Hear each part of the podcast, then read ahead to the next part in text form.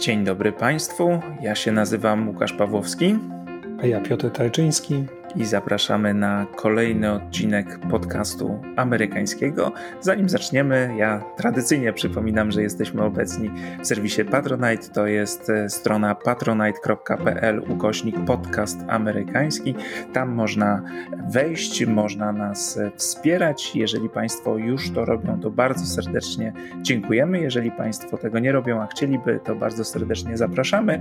A jeżeli Państwo tego nie robią i z jakichś względów nie mogą, to prosimy i to prośba do naszych wszystkich słuchaczy.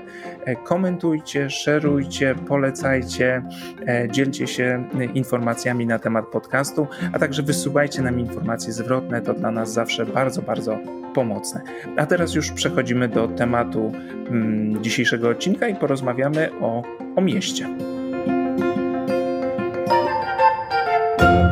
Porozmawiamy o mieście Nowy Jork, o prawyborach, o wyborach burmistrza Nowego Jorku, które się szykują.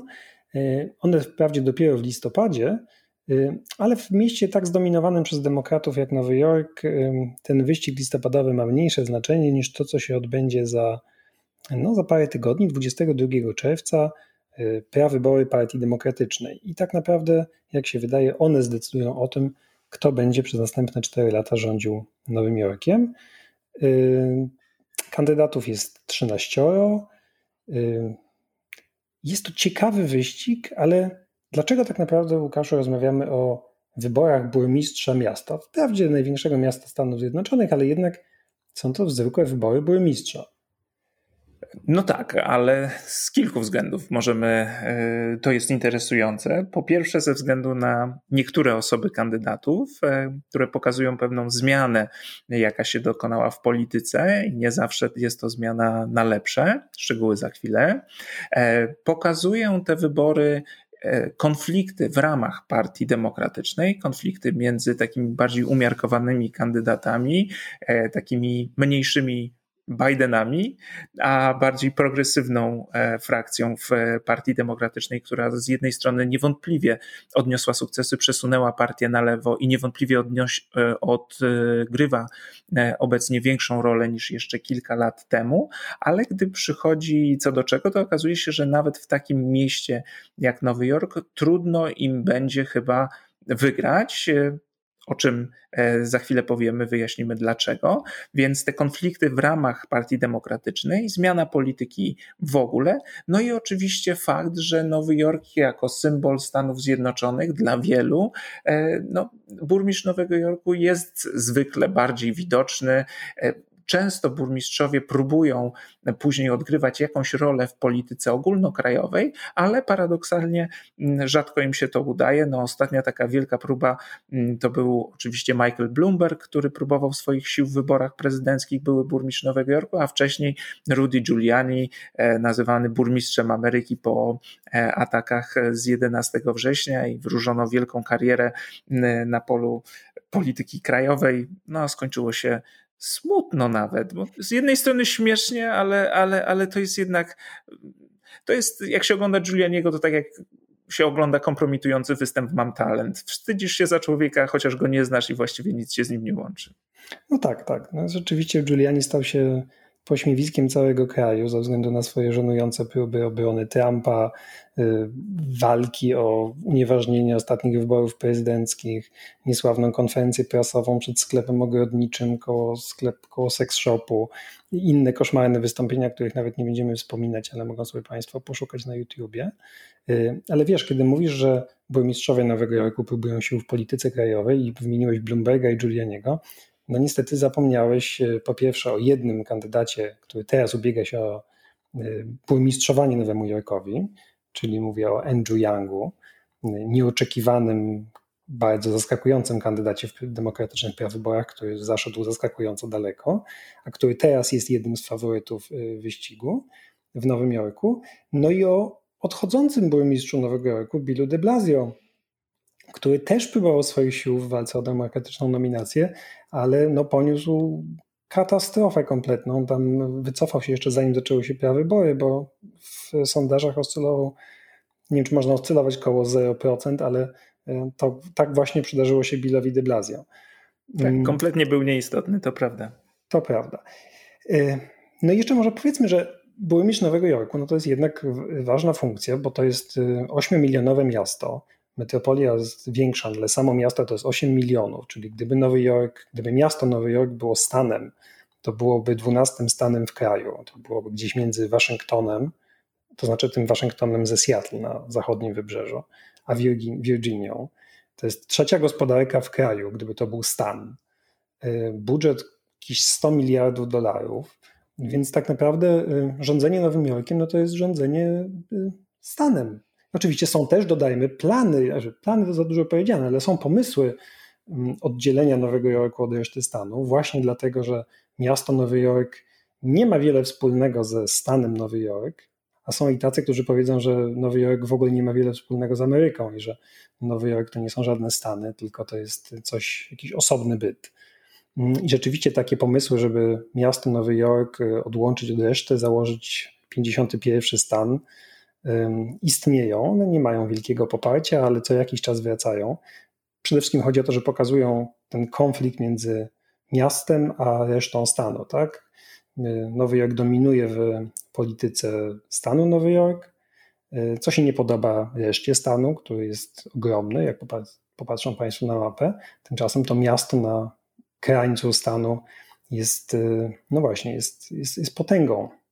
Ale jak słusznie zauważyłeś, ci burmistrzowie Nowego Jorku później nie liczą się za bardzo w polityce stanowej i to napięcie między władzami stanu a władzami miasta, między gubernatorem stanu, który rezyduje w Albany i y, burmistrzem Nowego Jorku w mieście, mm, to jest jakaś taka stała nowojorskiej polityki i ona też y, jest bardzo widoczna w ostatnich ośmiu latach między napięcia między urzędującym burmistrzem Billem de Blasio, demokratą i gubernatorem Nowego Jorku Andrew Cuomo, również demokratą. Jeżeli już mówimy o tym, jak wielkie to jest przedsięwzięcie, to miasto, no to burmistrz zarządza zespołem e, urzędników, chyba liczonym w setkach tysięcy. To jest około 300 tysięcy urzędników, którzy tam e, pod burmistrza e, podlegają, oczywiście różnego stopnia i w różnych instytucjach. Wymieńmy sobie największe problemy, z jakimi się obecnie mierzy miasto. Oczywiście bezpieczeństwo, ale co jeszcze? No, przede wszystkim Nowy Jork był centrum pandemii. To była najgorsza y, katastrofa w historii miasta, ponad 33 tysiące ofiar śmiertelnych, więcej niż Hiszpanka 100 lat temu. Mm, to oczywiście Nowy Jork wraca do siebie po pandemii, ale ten proces y, potrwa długo, no bo nie mówimy tylko o ofiarach śmiertelnych, ale też o wzroście bezrobocia, upadek wielu biznesów, odpływ mieszkańców, jakby Nowy Jork będzie wracał do siebie po pandemii jeszcze długo. Mówiło się y, z tego, co ja widziałem, że to było ponad 300 tysięcy osób, które wyjechało z miasta, ale to chyba trudno y, ocenić. Kolejna rzecz to są oczywiście koszty najmu mieszkań. I te ceny są wysokie, dostępność niewielka i ocenia się, że w Nowym Jorku nawet 50% y, mieszkańców jest nadmiernie obciążonych kosztami wynajmu mieszkania. Tylko, że to nadmierne obciążenie według Amerykanów to jest 30% y, dochodu. To znaczy, jeżeli mieszkanie pochłania więcej niż 30% dochodu, to znaczy, że to jest zbyt dużo. No, w warunkach polskich to pewnie dla wielu byłoby bardzo dobrze, żeby tylko 30% y, przeznaczali na wynajem, na, na te koszty, ale tam to jest uznawane za za, za duże obciążenie i to jest poważny problem. No tak, jak się rozmawia z Nowojorczykami, to właściwie wszyscy potrafią tylko o tym mówić, o tym jak fatalnie jest na rynku mieszkaniowym, jak drogie są mieszkania, jak bardzo nikogo nie stać na mieszkanie w Nowym Jorku. No, na Manhattanie już nikogo nie stać, Brooklyn jest coraz droższy, kolejne okolice się gentryfikują. Jak to w latach 60. pisała John Didion, że Nowy Jork jest albo dla bardzo bogatych, albo dla bardzo biednych i, i, jakby nic się nie zmieniło ale jest znacznie, znacznie gorzej. Y, ludzi nie stać na mieszkanie, a równocześnie Nowy Jork zabudowywany jest kolejnymi luksusowymi apartamentowcami. One powstają takie punktowe wieżowce przypominające ołówki, bardzo szpetne, ale to są mieszkania kosztujące grube miliony dolarów, w których nikt nie mieszka przez większość roku, kupowane jako inwestycja kapitałowa przez y, milionerów i miliarderów, co oczywiście podwyższa cenę nieruchomości, ale na tym cierpią y, zwykli ludzie. I, i rzeczywiście problem czynszów nowojorskich to jest problem, z którym miasto mierzy się od, od lat. E, kolejny problem to jest dziura budżetowa. Ten ocenia się ją na kilka miliardów, chyba tam 4 miliardy dolarów. No, w 100 miliardach to nie jest może tak, e, tak dużo, ale to jest e, no, kwestia, która także w tych debatach i artykułach przed wyborami się pojawia. I kolejna rzecz to jest e, brud na ulicach, e, walające się śmieci, zanieczyszczenie. O tym wielu nowojorczyków mówi i ten temat także jest regularnie podnoszony. No i wreszcie transport publiczny. To znaczy, to jest kolejny powód do narzekań wszystkich nowojorczyków, to jest to, że metro działa fatalnie, metro się spóźnia, e, no ale nie są to tylko anegdoty, ale pokazują to też twarde dane. Tak, rzeczywiście pociągi nie jeżdżą na czas, Y, metro jest w fatalnym stanie technicznym, potrzeba mnóstwa remontów. Y, fakt, metro nowojorskie jeździ 24 godziny na dobę przez cały rok. To, to jest y, ogromne przedsięwzięcie, no ale to są linie budowane 100 lat temu. To jest stary system metra, który potrzebuje mnóstwo, mnóstwo pieniędzy. Jego się właściwie nie rozwija. Nowe linie, które powstają, czy nowe odcinki kosztują, jest ich bardzo niewiele i kosztują kolosalne pieniądze. To jest jedno z najdroższych y, systemów metra w budowie na świecie. Mm, tu jest też problem taki, że metro nowojorskie nie podlega wyłącznie pod miasto, ale głównym odpowiedzialnym za metro jest, za system transportu jest y, stan. No i to jest oczywiście źródło nieustannych konfliktów między Albany, siedzibą gubernatora, a Nowym Jorkiem, Nowy Jork chce więcej pieniędzy na sypiące się metro, a stan, czyli wszyscy mieszkańcy Nowego Jorku nie chcą się składać na y, transport publiczny w, w jednym mieście. Z tym nieamerykańskością to rzeczywiście bardzo często powraca ten, moment, ten motyw. Nawet chyba Ted Cruz w którychś wyborach prezydenckich mówił z pogardą o nowojorskich wartościach, za co później musiał e, przepraszać, że to są takie nie do końca amerykańskie wartości. Więc e, faktycznie, ale to, to miasto też no, chyba do tej pory rozbudza wyobraźnię i e, ludzie są gotowi odczytywać to, co się dzieje w Nowym Jorku, jako ewentualny przedsmak tego, co czeka Stany Zjednoczone, i Nowy Jork może służyć też do krytyki e, takiej progresywnej, liberalnej polityki. Więc kiedy teraz obserwujemy wzrost e, e, zabójstw, w wielu miastach Stanów Zjednoczonych, to Nowy Jork może być wykorzystywany przez republikanów do tego, żeby pokazać, widzicie, ci demokraci nie działają i, i takie miasto, które jest symbolem liberalizmu w Stanach Zjednoczonych, upada. Tak, a z drugiej strony y, liberałowie czy lewica też zdaje się to czasem robić, tak? To znaczy wygrana Aleksandry Ocasio-Cortez y, w prawyborach w 2018 roku, kiedy pokonała takiego zasiedziałego kongresmena Partii Demokratycznej i szturmem weszła do, do Izby Reprezentantów, no to zostało uznane przez lewicę amerykańską za dowód na to, że Amerykanie spragnieni są prawdziwie lewicowych polityków i polityczek i że wygrana Aleksandry Ocasio-Cortez może się przełożyć na wygraną takich polityków jak ona w innych częściach kraju. No i potem się okazało, że nie do końca, tak? To znaczy ten skład, czyli drużyna, która e, teraz liczy, nie wiem, pięcioro czy sześcioro polityków, e, jest rzeczywiście istotna dla mm, wizerunku Partii Demokratycznej i rzeczywiście nie da się zaprzeczyć, że Partia Demokratyczna przesuwa się w lewo, mówimy to od dawna, y, ale bardziej powiedziałbym za sprawą jednak Berniego Sandersa niż Aleksandry Ocasio-Cortez i y, koleżanek i jednego kolegi, ale faktycznie y, no właśnie, tak jakby ten, to, to, co się wydarzyło w Nowym Jorku, powtórzyło się owszem jeszcze później w Nowym Jorku. W ostatnich wyborach stało się znowu to samo. Tak? Taki progresywista Jamal Bowman pokonał w prawyborach zasiedziałego kongresmena Eliota Engela, 16-kadencyjnego szefa Komisji Spraw Zagranicznych Izby Reprezentantów. I to się wydarza w wielkich miastach. Wydarzyło się też w St. Louis w Missouri, a to też jest względnie duże miasto. Natomiast to nie jest zjawisko, które, mm, które da się odtworzyć w skali całego kraju i rzeczywiście progresywiści czasem zdają się o tym zapominać i mają taką wizję, że jak się będzie wystawiało naprawdę lewicowych kandydatów i kandydatki w, w prawyborach demokratycznych, no to oni zdobędą szturmem, wszędzie będą wygrywać, w, w, w Colorado, w Georgii, Nevadzie, Teksasie i tak dalej. No niestety tak nie jest, bo jak zauważyliśmy, Nowy Jork to nie są Stany Zjednoczone i nie można tak łatwo tego przekładać jeden do jeden.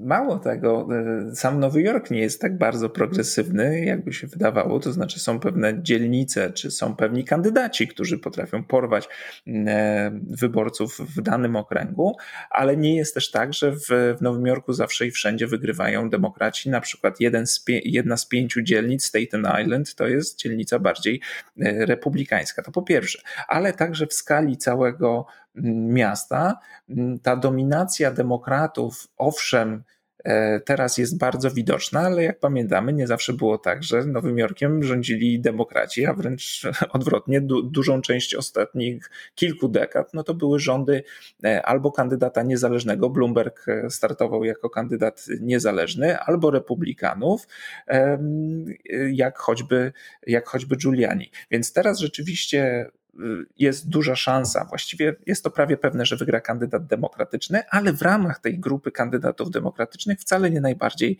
lewicowe. Tak, no, z republikanami w Nowym Jorku jest tak, że ci republikanie nowojorscy też nie byli tacy jak ci pozostali republikanie. Bloomberg, jak mówisz, był kandydatem e, niezależnym. Poprzedni burmistrz przed de Blasio, trzykadencyjny, zaczynał jako republikanin. Y, ale taki właśnie republikanin bardzo liberalny, bardzo centrowy. Później odszedł z partii i został kandydatem niezależnym. Dziś to brzmi oczywiście jakby zaskakująco pewnie dla większości państwa, ale Rudy Giuliani, kiedy wygrywał wybory jako republikanin po raz pierwszy w latach 90., też był uważany za takiego republikanina z frakcji bardzo liberalnej i bardzo progresywnej. Do tego stopnia, że partia konserwatywna, a w Nowym Jorku jest taka partia, i ona przeważnie głosuje na kandydatów republikańskich, ale, ale nie zawsze. E, nie poparła Giulianiego, bo uważała Giulianiego za zbyt liberalnego e, republikanina. I rzeczywiście Giuliani miał opinię takiego republikanina, no właśnie centrowego, postępowego, otwartego na demokratów, na współpracę ponadpartyjną i tak dalej. Oczywiście dzisiaj jest zupełnie inaczej, ale ci republikanie rządzący rządzący Nowym Jorkiem w ostatnich dekadach, już nie mówię o tych republikanach, którzy, którym zdarzało się rządzić Nowym Jorkiem w latach 60. czy 70., to byli rzeczywiście inni republikanie niż republikanie y, z reszty kraju. To było, Nowy Jork był bastionem tak zwanych y, republikanów Rockefellera, czyli nazywanych tak od Nelsona Rockefellera, potomka tej oczywiście rodziny, który był gubernatorem stanu przez wiele, wiele lat i był takim republikaninem, który znacznie wiele więcej miał wspólnego czasem z demokratami niż z republikanami i od jego nazwiska ta frakcja tak się nazywała. Tej frakcji już w partii republikańskiej nie ma. Partia republikańska, jak wielokrotnie mówiliśmy, jest monolitem pro-trumpowym. Ostatnie niedobitki mm, niezależnych republikanów są właśnie dożynane przez, przez Trumpa i jego ludzi. No i teraz sytuacja jest taka, że mówimy dzisiaj Państwu, będziemy mówić o prawyborach demokratów, dlatego że republikanin nie ma żadnych szans na wygraną w Nowym Jorku, więc właściwie powiedziałbym, że może zacznijmy od republikanów, dlatego że oni nie mają żadnego znaczenia. Jest dwóch kandydatów, oni też się mierzą w prawyborach 22 czerwca. Dla porządku podamy Państwu ich nazwiska, ale y, proszę zapomnieć, żaden z nich nie wygra. No, jednym z nich jest Fernando Mateo, to jest szef Stowarzyszenia Taksówkarzy i y, no, taki biznesmen, y, a drugi to jest Curtis Sliwa, ale to jest Curtis Śliwa, bo on jest Amerykaninem pochodzenia polskiego, prowadzący program radiowy obecnie, ale on jest założycielem takiej organizacji, która się nazywa Guardian Angels, y, założonej w czasach upadku Nowego Jorku, pod koniec lat 70., kiedy Nowy Jork rzeczywiście był potwornie niebezpiecznym miastem, y, no trochę takim jak z ucieczki z Nowego Jorku, którą właśnie wtedy kręcono. I y, to była taka organizacja, jest dalej, walcząca z przestępczością w metrze. Oni patrolują metro, noszą czerwone berety, jest to taka trochę bojówka, ale legalna. Wiesz coś o nich więcej, Łukaszu? Nie, szczerze mówiąc, dowiaduję się teraz od ciebie, widzisz. Ja też, ja też się sporo uczę dzięki naszemu podcastowi, ale też niespecjalnie przyglądałem się kandydatom mm, republikańskim, bo też trzeba powiedzieć, że nie, nie byłbym w tym odosobniony, bo Mówimy o tych wyborach nowojorskich i chcemy Państwa zainteresować, bo one pokazują coś ciekawego w amerykańskiej polityce, ale też wśród samych nowojorczyków wybory na burmistrza nie budzą jakiegoś ogromnego zainteresowania. To znaczy, ta frekwencja e, w wyborach jest niekiedy no, kompromitująco niska. Ja sprawdzałem frekwencję w roku 2013, kiedy de Blasio startował na swoją pierwszą kadencję, i to była frekwencja rzędu bodaj 13%, niewiele przekraczająca 13%. W prawyborach także frekwencja nie jest duża. W prawyborach Partii Demokratycznej e, w 2013 roku Mm, to było dwadzieścia kilka procent. Ale oczywiście w prawyborach nie głosują wszyscy, tylko ci, którzy są zarejestrowani jako wyborcy danej, e, jako wyborcy danej partii. Mm, więc te 23% to jest mniejsza liczba niż e, ci, którzy ostatecznie w wyborach mm, na burmistrza głosują. Więc nie jest tak, że nowojorczycy jakoś tłumnie ruszają do, do urn, a w tym roku może być jeszcze gorzej pod tym względem e, z kilku powodów. No, wychodzimy z pandemii, to raz, jeszcze nie wszyscy wrócili do takiego normalnego funkcjonowania. Po drugie, prawybory odbywają się w czerwcu, normalnie odbywają się we wrześniu, bo właściwe wybory odbywają się w listopadzie, mamy przesunięte. Mm, no i mamy też nową metodę głosowania, którą wprowadzono w Nowym Jorku i która miała, ma zmienić jak gdyby logikę prowadzenia kampanii. I to jest e, ranked vote, czyli y, takie głosowanie, w którym szereguje się kandydatów. Mamy sobie wybrać pięciu kandydatów, którzy nam najbardziej odpowiadają w, od, w kolejności od tego, który odpowiada nam najbardziej do tego piątego. I teraz to jest proste, ale co zmienia się dalej? Otóż, kiedy już przychodzi do liczenia głosów, to wówczas patrzy się, czy któryś z kandydatów y, przekroczył 50% poparcia. Jeżeli tak, to zostaje tym wybranym w prawyborach. Jeżeli nie, wówczas bierze się kandydata, który zajął ostatnie miejsce i patrzy się na to, e, jaki był drugi wybór dla jego wyborców.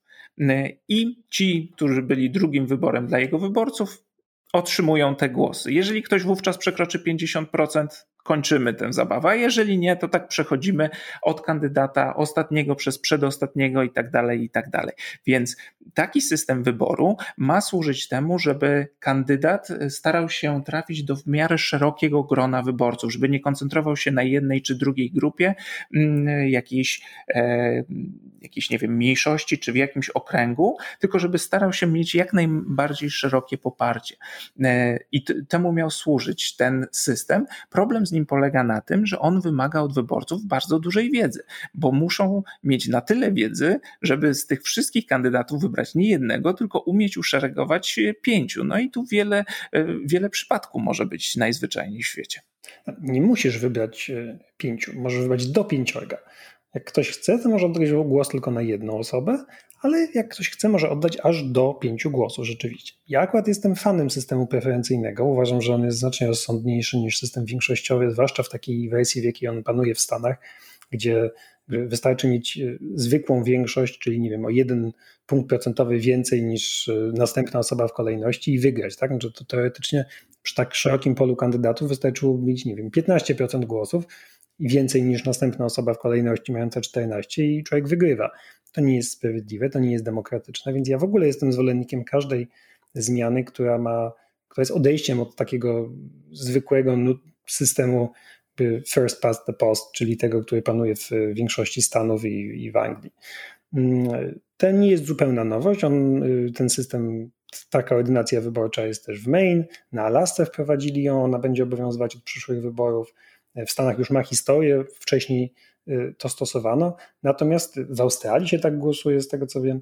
Natomiast rzeczywiście w Nowym Jorku wprowadzono go po referendum, gdzie przytłaczająca większość ludzi zagłosowała za w 2019 roku i to są pierwsze e, prawybory, które, w których ten, ta ordynacja obowiązuje. No i fakt, ale rzeczywiście jest problem z wytłumaczeniem wyborcom o co chodzi. No, nie o to, żeby wszystkie pięć głosów oddali na swojego ulubionego kandydata na przykład. Już widziałem takie takie kampanię informacyjną nowojorską, że to, że to nie o to chodzi. E, I rzeczywiście, no, miasto twierdzi, że przeznaczyło ileś pieniędzy na kampanię edukacyjną, ale tak naprawdę to wszystko wyjdzie w praniu i dowiemy się po 22 czerwca, jak ten system zadziałał. E, jedno jest pewne, wyników nie poznamy od razu, dlatego że takiej osoby, która od razu dostanie 50%, to prawie na pewno, że to na pewno nie będzie. Natomiast może dojść do pewnych niespodzianek i to, jak sondaże przedstawiają się dziś, wcale nie znaczy, że tak będzie 22 czerwca, dlatego że osoba, która była na trzecim miejscu, może być na przykład w tym pierwszej rundzie, może być kandydatem drugiego wyboru dla znacznej większej e, części elektoratu i to ona może wygrać, więc tak naprawdę nie wiemy, kto wygra 22 czerwca, nie wiedzą to też sami Nowojorczycy, mm, ale może powiedzmy, kto kandyduje. Tak, jeszcze tylko dodam, że to jest też jeden z powodów, dla których mamy bardzo niewiele sondaży robionych przez takie najbardziej znane firmy. Właśnie one tłumaczą e, tę swoją niechęć tym, że trudno jest ocenić, kto wygra, jeżeli uwzględnimy te drugie wybory mm, głosujących. Mogą jedynie pokazywać nam, kto, je, kto ma najwięcej kto jest tym ulubionym pierwszym wyborem.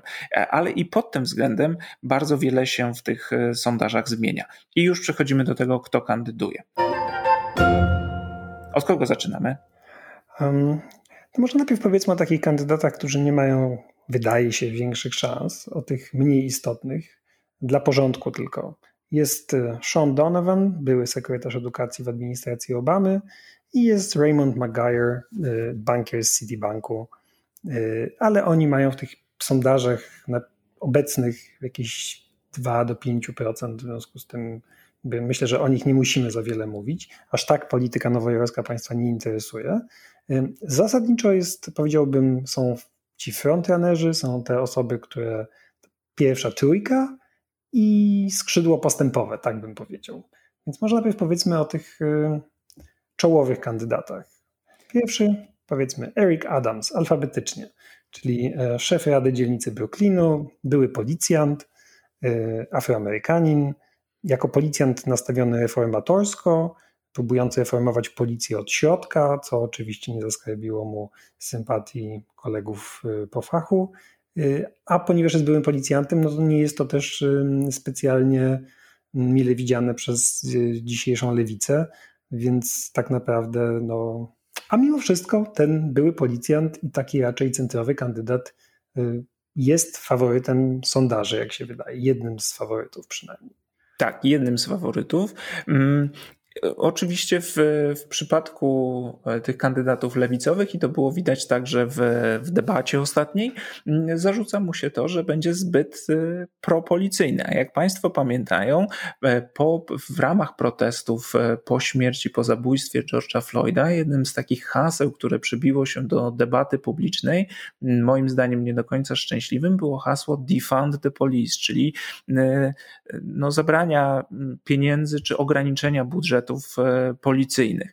I oczywiście intencją było to, żeby te pieniądze zabrać i alokować na inne usługi. To znaczy, żeby policja nie musiała wykonywać wszystkich tych zadań, jakie wykonuje obecnie, żeby nie trzeba ją, jej było wzywać mm, tam, gdzie mogłoby sobie lepiej poradzić inna instytucja, na przykład jacyś pracownicy zajmujący się e, zdrowiem, e, czy pomagający w negocjacjach, czy znający się na deeskalacji konfliktów, bo nie zawsze policjant jest tym e, najlepszym wyborem. Taki był cel, ale zostało to zrozumiane jako po prostu ograniczanie budżetów policyjnych przez wielu.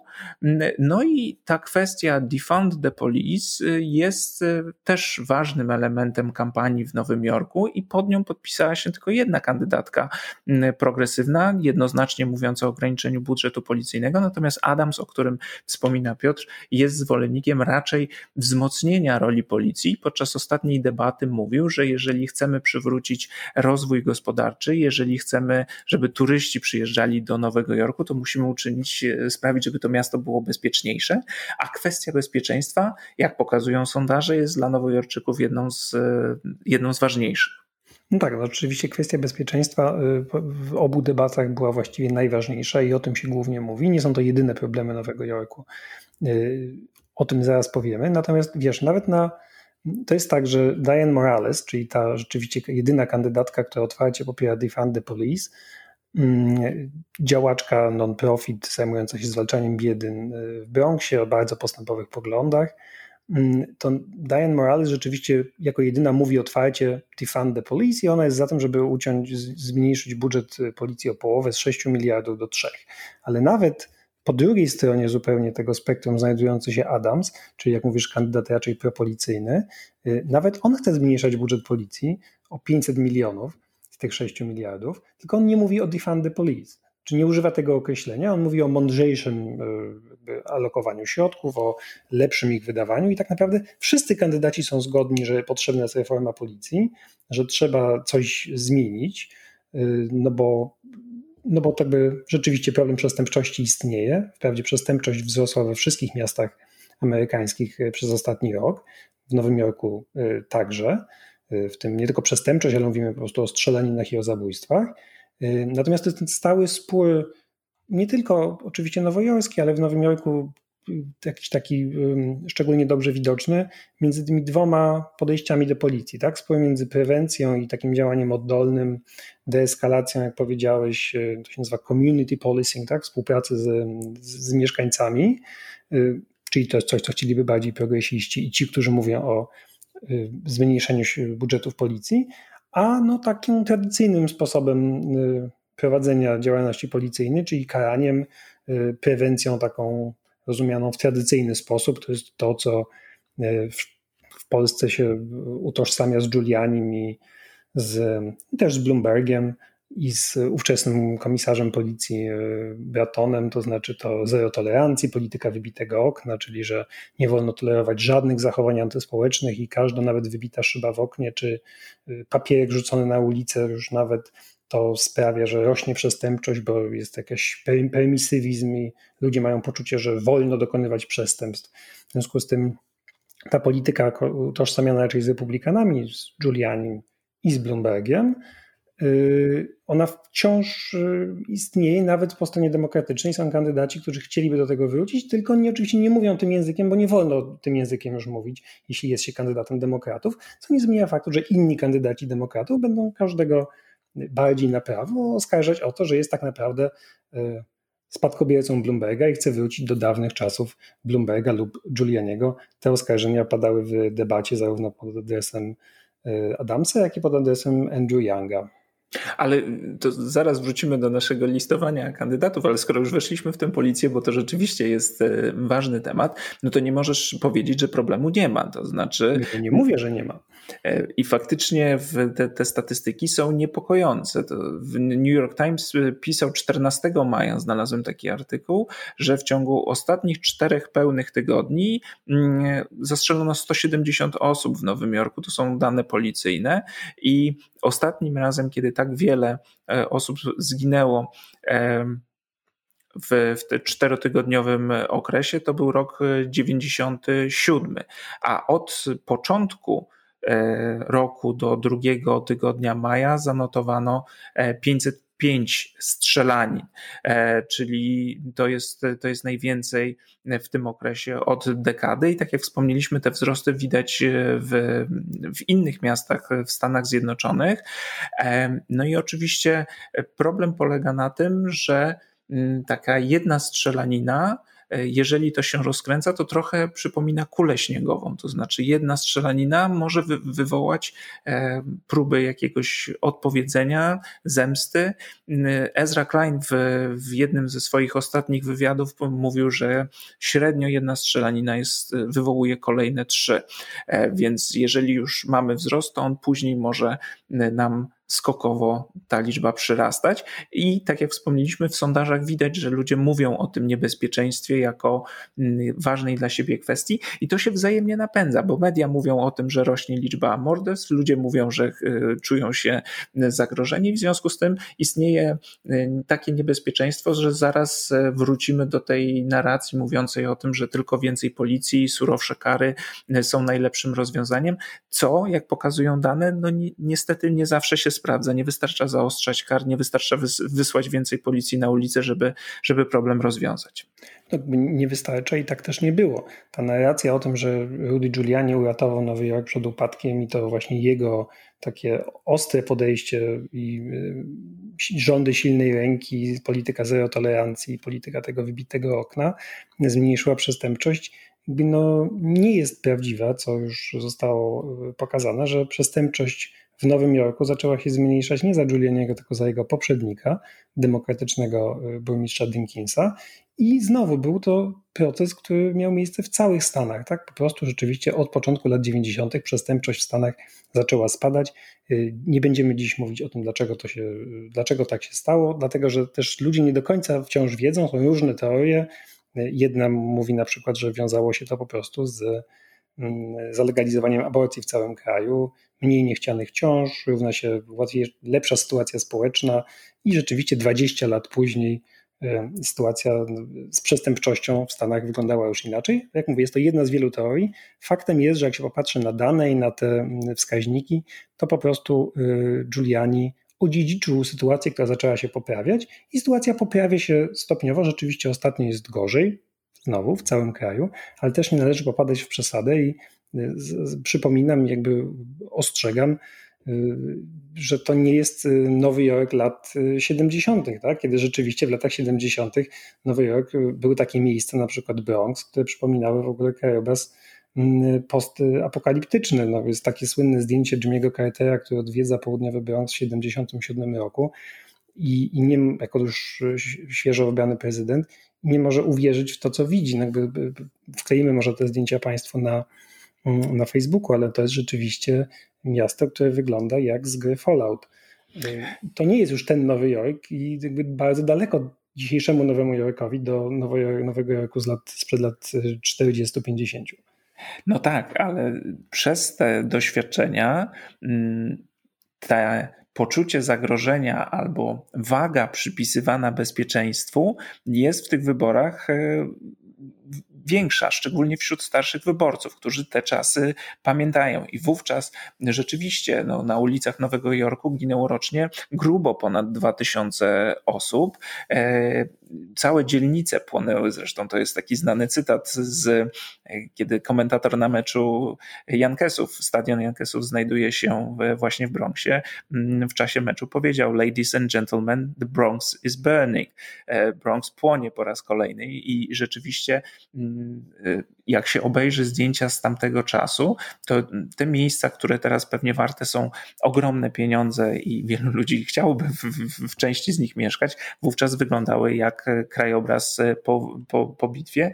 Piotr przytaczał już e, niektóre filmy, które to pokazują. No, mi jako pierwszy przychodzi do głowy taksówkarz pokazujący ten Nowy Jork lat 70.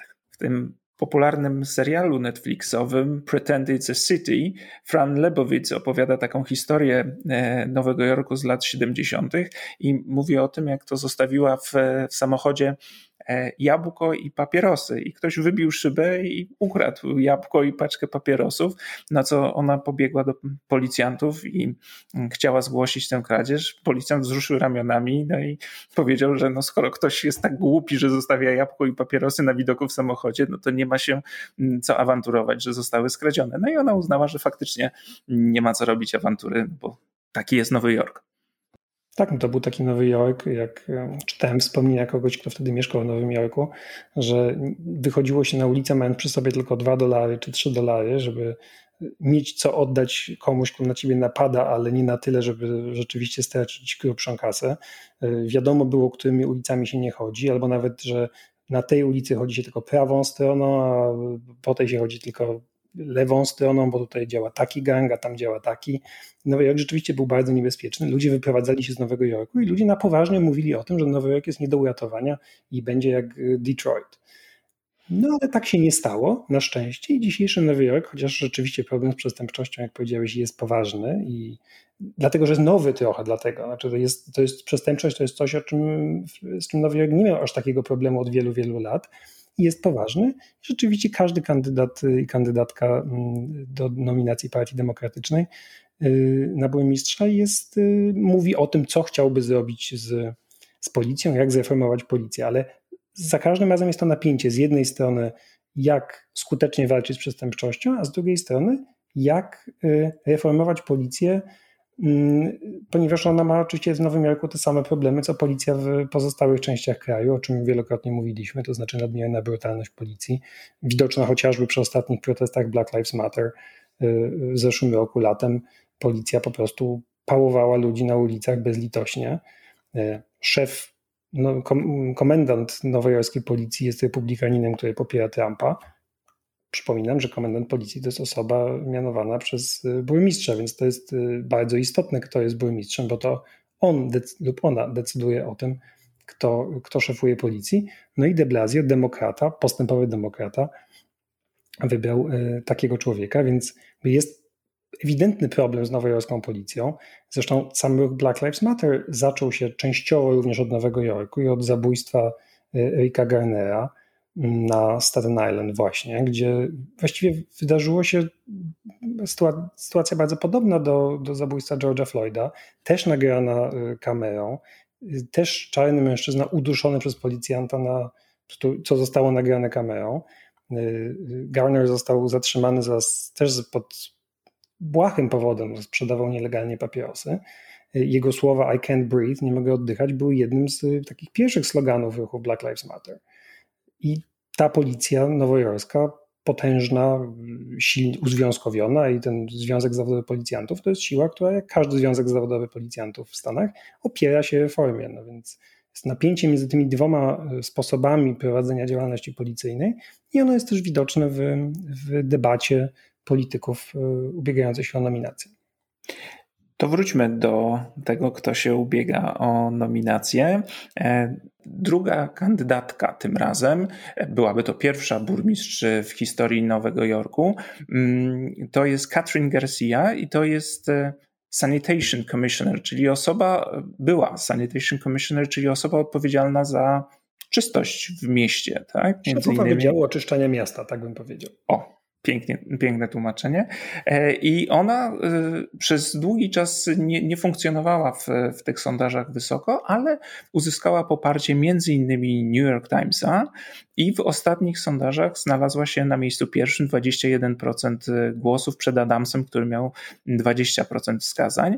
Te sondaże są nierówne, one się zmieniają, ale nagle stała się jednym z poważniejszych e, kandydatek i ona jest kimś, komu przede wszystkim zarzuca się kompletny brak charyzmy. Ona jest urzędniczką, rzeczywiście z bardzo bogatym doświadczeniem, pracuje mm, w administracji nowojorskiej bodaj od 22 roku życia chyba zaczęła tę pracę jeszcze jako stażystka, ma duże doświadczenie w różnych administracjach, była mianowana także przez de Blasio mm, do różnych zadań specjalnych w czasie pandemii, tak też ją określano jako taki człowiek do trudnych zadań, między innymi, między innymi dystrybucji posiłków w czasie pandemii, chwali się tym, że wydano około 200 milionów posiłków dla potrzebujących Nowojorczyków.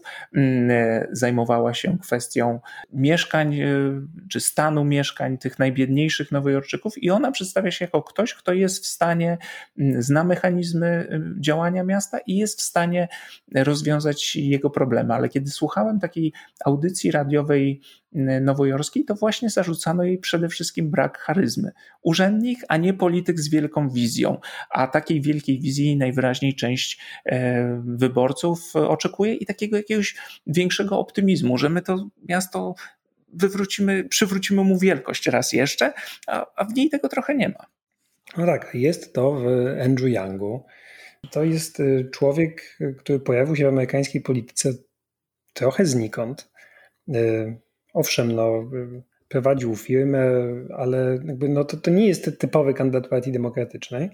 Mm, tymczasem, y, no wiadomo, nie wygrał, ale utrzymał się zaskakująco długo, bo do lutego 2020 roku dłużej niż y, kandydaci ze znacznie większym doświadczeniem. Nie mówię tylko o Billu de Blasio, ale mówię też o Corey Bookerze czy o Kamali Harris, dzisiejszej wiceprezydentce. No i Young był kandydatem takim dziwnym kandydatem internetu, outsiderskim, technokratą, y, który zachęcał do nauki matematyki, mówił o dochodzie gwarantowanym, 1000 dolarów dochodu gwarantowanego. Y, mało mówił o Trumpie, y, poparli go tam Elon Musk na jakimś etapie, chyba Jack Dorsey z Twittera, czyli taki zdecydowanie kandydat sfery technologicznej, popularny bardzo w internecie. No, wycofał się, ale z zdobył rozpoznawalność i teraz jest właściwie celebrytą i jako ten celebryta kandyduje na burmistrza Nowego Jorku.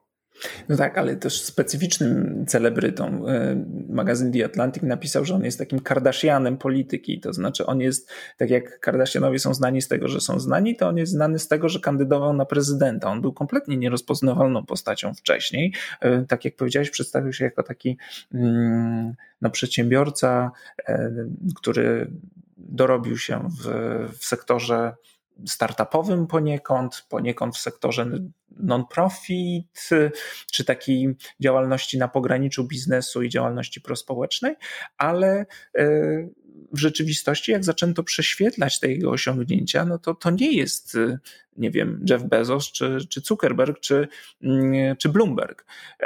To jest e, przedsiębiorca, który między innymi założył taką firmę Venture for America i zadaniem tego, tego, tego przedsiębiorstwa było jak gdybyż mm, stwarzanie możliwości dla absolwentów najlepszych uczelni, żeby ci absolwenci jeździli do miast podupadających, zaniedbanych albo pomijanych po prostu przez wielki biznes i tam zakładali swoje, swoje firmy, czy tam znajdowali zatrudnienie.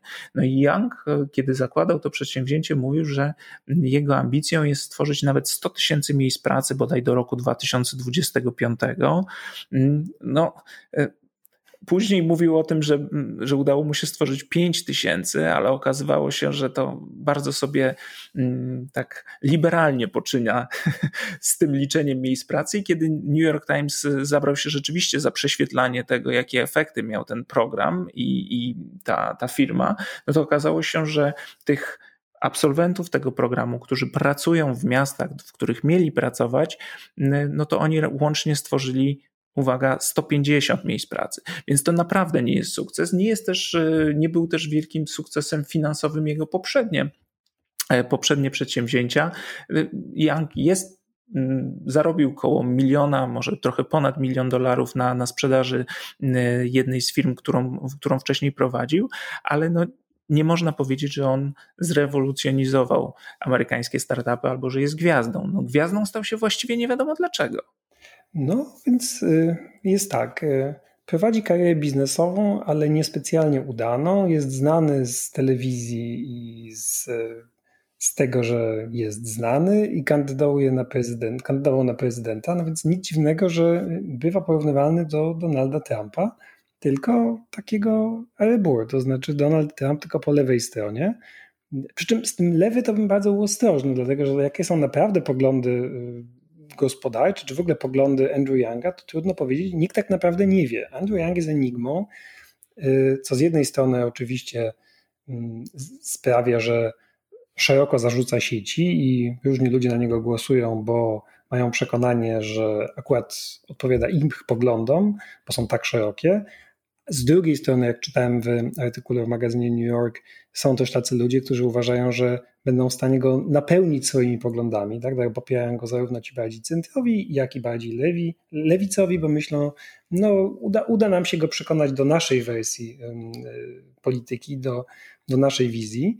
Y, a Andrew Young nie mówi, co tak naprawdę uważa, tylko zbiera poparcie, zbiera pieniądze, uśmiecha się, mówi o tym, że chce, żeby Nowy Jork był no nie używa określenia, żeby Nowy Jork był znowu wielki, ale generalnie taki jest jego przekaz. Tak? Odbudowanie Nowego Jorku, żeby się otworzył, jest taki bardzo pozytywny, y, ale nie ma tam za bardzo treści w tym wszystkim, co mówi Andrew Young. On wrócił trochę do swojego y, tego leitmotivu z prawyborów prezydenckich, to znaczy teraz już nie mówi o takim do, powszechnym dochodzie gwarantowanym, tylko o dwóch tysiącach dolarów rocznie dla pół miliona najbiedniejszych nowojorczyków, ale mówi też o tym, że będzie dzwonił do różnych e, ważnych i bogatych ludzi i próbował ich pytać, co zrobić, żeby oni wrócili do Nowego Jorku i tutaj inwestowali.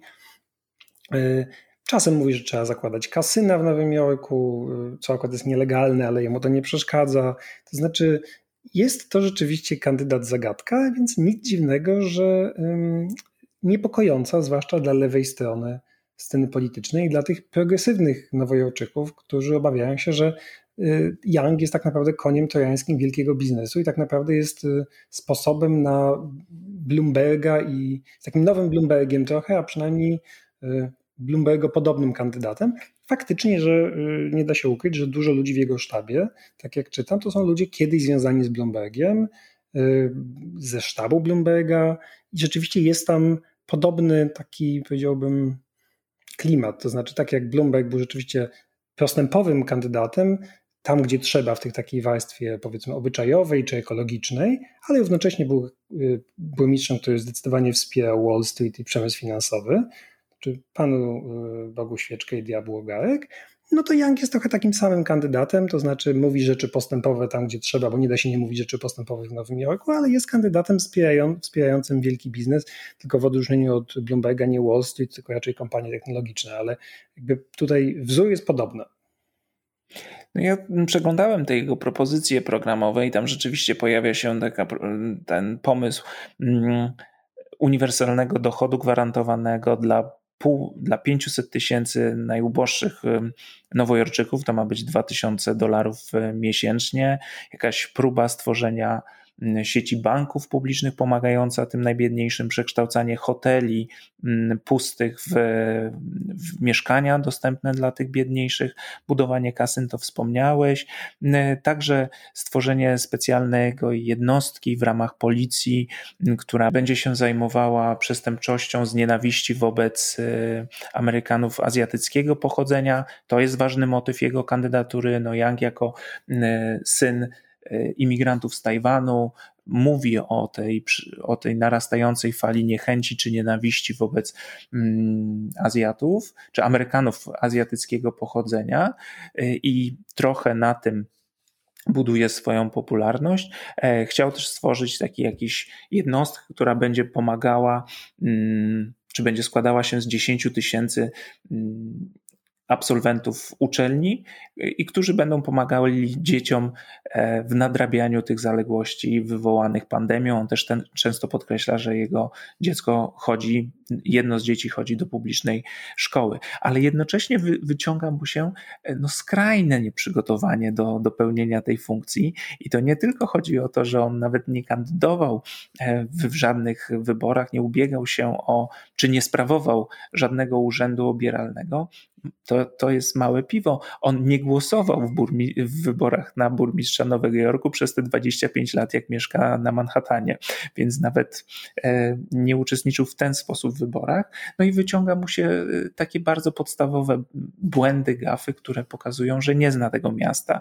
E, to znaczy, e, wsiadł w pociąg i powiedział, że jedzie na Bronx, wsiadł w metro i powiedział, że jedzie z nim e, tym pociągiem na Bronx, chociaż ta linia akurat na Bronx nie dojeżdża, czy pomylił nazwy sklepu. Są w Nowym Jorku takie sklepy, które nazywa się, określa się mianem bodega i to są takie małe delikatesy, których pełno jest w Nowym Jorku i trochę one przypominają takie lokalne centra mm, społecznościowe. No, okazało się, że, że Young wszedł do zwykłego supermarketu i pomylił to może się wydawać kompletnie nieistotne, ale dla części wyborców e, było, ale to także pokazuje, jakie zainteresowanie budzi ta jego kandydatura. Myślę, że gdyby jakikolwiek inny kandydat pomylił nazwę sklepu, czy źle określił ten, ten sklep, w którym się pojawił, to nikt by nie zwrócił uwagi. A Young, gdziekolwiek się nie pojawi, to rzeczywiście przyciąga zainteresowanie mediów i zainteresowanie wielu wyborców. To, co moim zdaniem najlepiej podsumowuje kandydaturę Younga, czyli to, że jest tam dużo mówienia i dobry PR, ale nie za wiele treści, to jest y, to, co on powiedział o Catherine Garcia, czyli o tej kandydatce A, tak. Y, właśnie takiej technokratycznej urzędniczce, która zna się na wszystkim, a jest mało charyzmatyczna. Więc Young bardzo chwali Garcia i mówi, że to jest w ogóle jego numer dwa, jego wybór numer dwa i że koniecznie ją zatrudni, jak tylko zostanie burmistrzem, bo ona powinna kierować miastem. Na co Garcia słusznie powiedziała, że skoro Andrew Young uważa, że powinnam kierować jego administracją, to może po prostu powinnam kierować administracją. No i, i nie sposób się z tym nie zgodzić. Znaczy, to przypomina mi to trochę Donalda Trumpa, który y, jako kandydat y, partii republikańskiej miał zaproponować wiceprezydenturę gubernatorowi Kasickowi i zadaniem Kasicka miało być y, rządzenie krajem. A na pytanie zdumionego gubernatora, czym w takim wypadku miałby zajmować się prezydent Trump, to Trump miał powiedzieć, że on się będzie zajmował czynieniem Ameryki znowu wielką. No to jest trochę ten przypadek. To znaczy, Young chce odbudowywać Nowy Jork i czynić Nowy Jork wielkim, ale niech rządzą kompetentni ludzie. No ale to może rzeczywiście powinni rządzić ci kompetentni ludzie. Ale wiesz, zmienił e, tą narrację, kiedy Garcia zaczęła rosnąć w sondażach i kiedy okazało się, że, je, że jest dla niego zagrożeniem, to teraz e, mówi, że Nowy Jork potrzebuje zmiany, a nie trzeciej e, kadencji Billa de Blasio, z którym ona współpracowała. Więc już teraz te jej kompetencje nie są tak, tak dla niego ważne. Jak spadnie znowu w sondażach, to pewnie znów będzie chciał ją zatrudnić. No tak, no rzeczywiście Andrew Young poszybował w sondażach ku zaskoczeniu wszystkich. Y, aczkolwiek jak się popatrzy na historię wyborów na burmistrza Nowego Jorku, to to nie jest y, nietypowa sytuacja, bo to już poprzednio tak bywało, że faworyci upadali przed samym końcem i wygrywał ktoś mało znany. To jest przypadek trochę Billa de Blasio, któremu nikt nie dawał szans w 2013. Tymczasem wygrał. No tak, ale wtedy mieliśmy poważny skandal obyczajowy, to znaczy jeden z kandydatów uważał, że to dobry pomysł, by wysyłać zdjęcia swojego przyrodzenia kobietom. No i okazało się, że to wyszło na jaw, co nie pomogło w kandydaturze. No tak, no ale faktem jest, że Young jest przez jakiś czas był zdecydowanym faworytem sondaży i oczywiście to spowodowało, że reszta kandydatów zaczęła go atakować y, mniej więcej w podobny sposób, zarzucając mu nieprzygotowanie, z czym akurat nie polemizujemy, y, tym, że tak naprawdę nie wiadomo, kim pani jest pani Young, i że może należałoby te stanowisko burmistrza dać komuś, kto jest prawdziwym nowojorczykiem, zna się na rzeczy, zna miasto, jest doświadczony. Ale rzeczywiście zaleta Younga, niezaprzeczalna, jest taka, że z nową twarzą y, jest y, rzeczywiście oferuje jakąś zmianę. To już pytanie, czy każda zmiana jest zmianą na lepsze i czy zmiana jest wartością samą w sobie, to jest pytanie otwarte. No ja bym, jeżeli kogoś zainteresuje ta postać, to polecam zajrzeć na jego konto twitterowe, zobaczyć e, jego interakcje z wyborcami i to, jak prowadzi kampanię. No ja nie widzę tam specjalnej charyzmy, to znaczy on uśmiecha się, jeździ, rzeczywiście jest bardzo aktywny, nie odmawia wywiadów, jest, można go znaleźć wszędzie, ale no te spotkania niewiele wnoszą. To znaczy, on się uśmiecha, pokazuje kciuk do góry, e, mówi, że wszyscy są wspaniali, i na tym się kończą te jego spotkania. Mnie on nie porywa, ale to może. Nie my głosujemy na burmistrza Nowego Jorku. To prawda. Ale może jeszcze powinniśmy, znaczy na pewno powinniśmy jeszcze powiedzieć wreszcie o progresistach, tak? o lewym skrzydle Partii Demokratycznej. Dlaczego ono nie jest w stanie wystawić jednego lub jed, kandydata lub jednej kandydatki? Dlatego, że głos progresistów jest podzielony na, na, na trzy części, tak naprawdę, na trzy, między trzy osoby. Mówiliśmy już o Diane Morales, która jest najbardziej lewicowa, y, ale jej kampania ostatnio zaczęła się zapadać, ludzie zaczęli odchodzić z jej sztabu. Y, tam są oskarżenia o mobbing, o dyskryminację, molestowanie y, i tak dalej. Morales jest z pochodzenia afrolatynoską, y, broni się, że jakby zauważyła problemy i zaczęła stawiać im czoło, no ale jej kampania rzeczywiście przez chwilkę rosła w górę w sondażach, y, ale spadła. Y, to jest zresztą poprzednio się to przydarzyło Scottowi Stringerowi, czyli doświadczonemu urzędnikowi miejskiemu. On jest teraz komptrolerem, czyli takim no, kontrolerem nadzorującym miejskie agencje, ich działanie, wydawanie pieniędzy i tak dalej, więc siłą rzeczy ma napięte relacje z de Blasio, no bo jego urząd kontroluje burmistrza i zwraca uwagę na nieprawidłowości. Mm, szło dobrze, ale został oskarżony o molestowanie seksualne, co zahamowało oczywiście jego awanse w sondażach, zwłaszcza w jego progresywnym elektoracie. Mnóstwo osób i organizacji wycofało swoje poparcie, no i jego kampania się zawaliła. No i to tak naprawdę wszystko, upadek kampanii Stringera i kampanii Morales y, napędza głosów tej trzeciej postępowej kandydatce, która jest nadzieją progresistów, jako, y, czyli Maya Wiley. I to jest była doradczyni Billa de Blasio, więc to znowu może nie pomóc, y, przynajmniej częściowo, mm, no, tym, którzy burmistrze oceniają dziś gorzej. Mm, ale ja uważam, że ta, ta kandydatura, ona jest nadal wyraźnie za tą trójką, o której wspomnieliśmy wcześniej. Czyli wydaje się, że mm, przez fakt, że progresiści nie potrafili zjednoczyć się za jednym kandydatem, no to sprawia, że żaden z ich kandydatów na razie nie ma większych szans. Oczywiście oni liczą na to, że ich kandydat może być drugim wyborem dla wyborców innego kandydata i ostatecznie odnieść sukces, ale niewiele na to, niewiele na to w tej chwili wskazuje. Kolejna rzecz, o której nie wspomnieliśmy, o której warto wspomnieć, to są E, głosy wsparcia. I chyba najważniejsza postać, e, która po tej lewicowej stronie mogłaby tutaj e, podbić czyjąś kandydaturę, czyli Aleksandria Ocasio-Cortez, na razie milczy. No, na razie milczy i chyba w ogóle będzie milczała aż do samych wyborów, kiedy po prostu poprze mm, demokratycznego nominata lub nominatkę w, w listopadzie, co oczywiście jest czystą formalnością. Mm, ale faktycznie, znaczy Aleksandria Ocasio-Cortez milczy, nie poparła ani Stinger, ani Morales, ani, ani Wiley. Dlaczego tak się dzieje? Nie wiem, są różne teorie. E, oczywiście byli tacy, którzy mówili, że to AOC powinna kandydować na, na burmistrzynię Nowego Jorku, ale no właśnie, ona tego nie robi, e, bo ma chyba inne plany polityczne.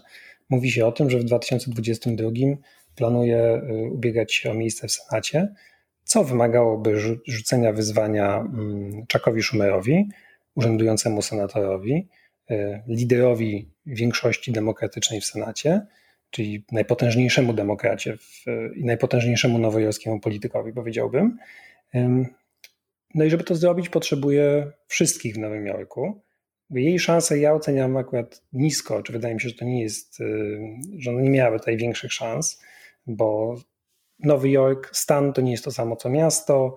Y, ilekroć się już tak zdarzało, że ta frakcja progresywna w Nowym Jorku próbowała y, zajść z lewej strony mainstreamowego kandydata, mainstreamowego demokratę w wyborach gubernatorskich, no to kończyło się to tak samo, mniej więcej jedna trzecia wszystkich głosów, y, ale wygrywał zawsze ten mainstreamowy kandydat i tak samo mogłoby być teraz. Tak? To znaczy też Nowojorczycy nie mieliby specjalnie, to nie byłaby specjalnie dobry deal wymieniać lidera większości Senatu senatora z wieloletnim doświadczeniem na nowicjuszkę tak naprawdę. No ale mówi się o tym, że Aleksandria Ocasio-Cortez chce kandydować za rok, no ale żeby to zrobić, nie może sobie nikogo zarazić, potrzebuje poparcia wszystkich. W związku z tym nie zabiera głosu, siedzi cicho po to, żeby nie palić za sobą mostów. Ale wiesz, w ogóle ten, ten, ta kampania pokazuje, to wspomnieliśmy o tym na, na początku, mm, te problemy e, też le, lewicy w Stanach Zjednoczonych, to znaczy te trzy kampanie na burmistrza, to, to jest jedna wielka, piękna katastrofa, bo z jednej strony masz kandydatkę najbardziej progresywną, u której jej pracownicy zarzucają mobbing, złe traktowanie i e, torpedowanie prób uzwiązkowienia więc no, zaprzeczenie ideałów, e, na których tę kampanię opiera. Z drugiej strony te zarzuty o molestowanie seksualne, które przynajmniej część amerykańskich mediów mówią, że no na razie nie, nie licz, znaczy pojawiały się opinie, że za tą pierwszą E, za tym pierwszym oskarżeniem pojawią się kolejne i pojawią się nowe dowody. Na razie się one nie pojawiły, więc dlatego Stringer ciągle w tym wyścigu jest. E, no i trzecia rzecz to jest ta nieumiejętność zjednoczenia się z E, za jednym kandydatem i w związku z tym kompletne rozbicie tych, tych głosów. Więc jedna frakcja, a tyle, tyle problemów i, i wydaje mi się, że to, co dzieje się w Nowym Jorku dobrze pokazuje te kłopoty lewicy nie tylko, nie tylko w tym mieście. Z drugiej strony niektórzy mówią, że ten system preferencyjny, ordynacja preferencyjna sprzyja, to znaczy to rozdrobnienie lewicy nie jest aż takim problemem, bo jak przyjdzie to do czego, no to ci prostępowi kandydaci będą y, wymieniać siebie nawzajem jako swój drugi i trzeci wybór i to może się okazać wystarczające do tego, żeby y, pokonać jakiegoś centrysty, tak? czyli albo Adamsa, albo jeszcze gorzej Andrew Younga, tę wielką niewiadomą, tego potencjalnego Bloombergowca slash Trumpa ale, y, ale mi się wydaje, że tak raczej nie będzie. To znaczy, to rozdrobnienie pokazuje też wyborcom, że y, progresiści nowojorscy są zbyt zajęci walką sami ze sobą, mm, a nie udziałem w wielkiej polityce na, na skalę miasta. No, czyli ta kampania i to, co się dzieje w Nowym Jorku, to jest takie w wersji mini, to co obserwowaliśmy chyba w wyborach prezydenckich. Wydaje mi się, że można e, takie porównanie mm, zrobić, e, gdzie Young byłby taką lewicową wersją Trumpa, o czym mówiłeś, czyli gościem bez e, żadnego doświadczenia, który robi dobry show i za którym rzeczywiście media biegają po całym mieście.